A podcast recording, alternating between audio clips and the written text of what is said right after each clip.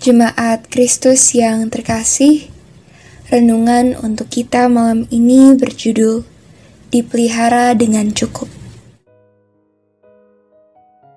Dan bacaan kita diambil dari kitab Yohanes pasal 6 ayat 5 sampai 11.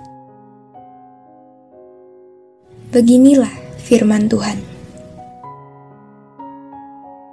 Ketika Yesus memandang sekelilingnya dan melihat bahwa orang banyak berbondong-bondong datang kepadanya, berkatalah ia kepada Filipus, "Di manakah kita akan membeli roti supaya mereka ini dapat makan?"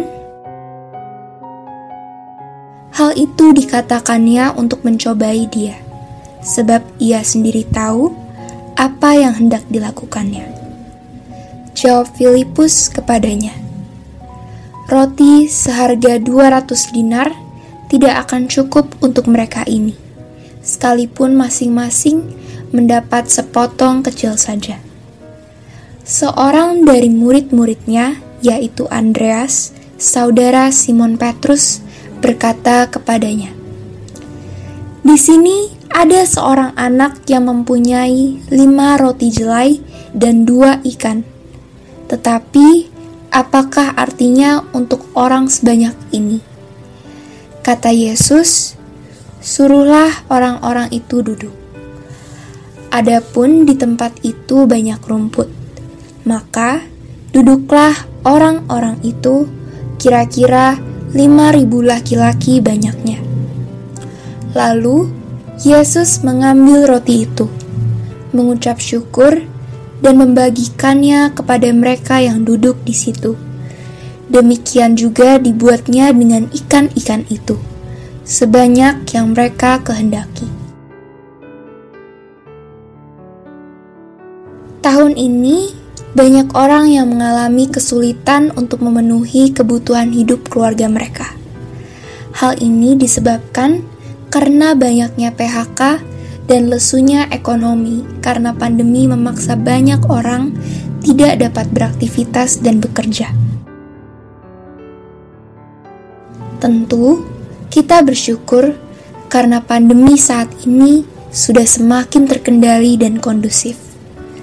Namun, dampaknya masih terus terasa hingga saat ini. Bisa jadi kita sendiri adalah pihak-pihak yang terkena dampaknya. Dengan kesulitan beraktivitas dan mengakses banyak hal, kita jadi terkurung dengan situasi yang menyulitkan ini. Kondisi ini dapat membuat kita bertanya, di mana pemeliharaan Tuhan?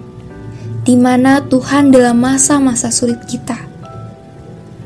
Pemeliharaan Tuhan dalam lima roti dan dua ikan merupakan wujud banyaknya cara Tuhan dalam memelihara kita.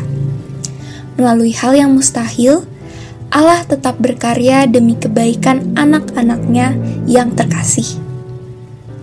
Mungkin cara Tuhan tak sama persis dengan kisah yang kita baca. Namun, bukan berarti pemeliharaannya menjadi kurang. Lihatlah kehidupan yang sudah kita lewati setidaknya dalam satu minggu ke belakang ini. Apakah Tuhan memelihara?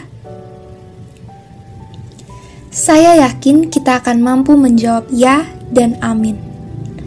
Pemeliharaan Tuhan memang tak selalu dapat disadari saat itu juga. Namun, pemeliharaan Tuhan akan terus kita miliki dalam susah dan senang yang kita lewati. Sadarilah terus apa yang Tuhan kerjakan. Syukurilah walau bukan sesuatu yang mewah di mata manusia. Demikianlah renungan malam ini. Semoga damai sejahtera dari Tuhan Yesus Kristus tetap memenuhi hati dan pikiran kita. Amin. Jemaat yang terkasih, mari kita bersatu hati menaikkan pokok-pokok doa yang ada dalam gerakan doa 21 GKI Sarwa Indah. Mari berdoa.